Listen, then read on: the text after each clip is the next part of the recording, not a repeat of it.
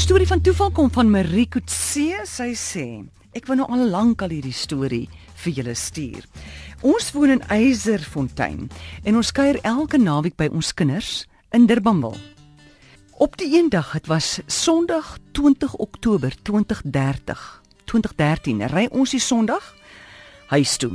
So tussen al die wingerde deur tot verby die Durbanville Hills plaas en dan net voor die afdraai om die pad na die N7 te neem, sien ek daar voor iets in die pad fladder. Ek sê vir my man, "Stop, stop, stop. Dit lyk vir my soos paspoorte wat daar in die pad lê." Jong, ek vlieg uit die motor in so waar. Daar tel ek 16 Chinese paspoorte op.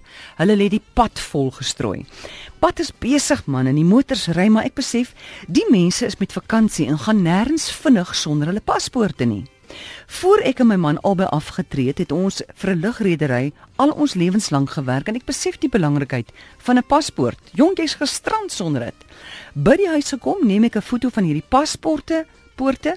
Ek kontak die Chinese konsulaat en so waar. Die toeriste was vir 'n middagete by die Durbanville Hills restaurant waar die toerleier se sak gesteel is met al die paspoorte. Die skelms het die paspoorte uit die voertuig geslinger.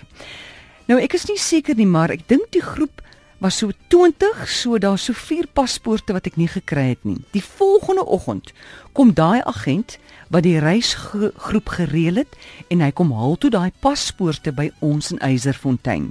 Nou as dit nie vir toeval was dat ons daai middag op daai tydstip op die besige pad gery het nie en ek nie die paspoorte opgetel het nie het hierdie Chinese toeriste baie ongerief gehad en nou was dit 'n slegte vakansie in ons mooi land. Nou ja, ek is seker Marie dit was vir hulle definitief 'n storie van toevallig. Ek hoop hulle het intussen het iemand jou genooi vir 'n vakansie daar in Japan. Ek bedoel China.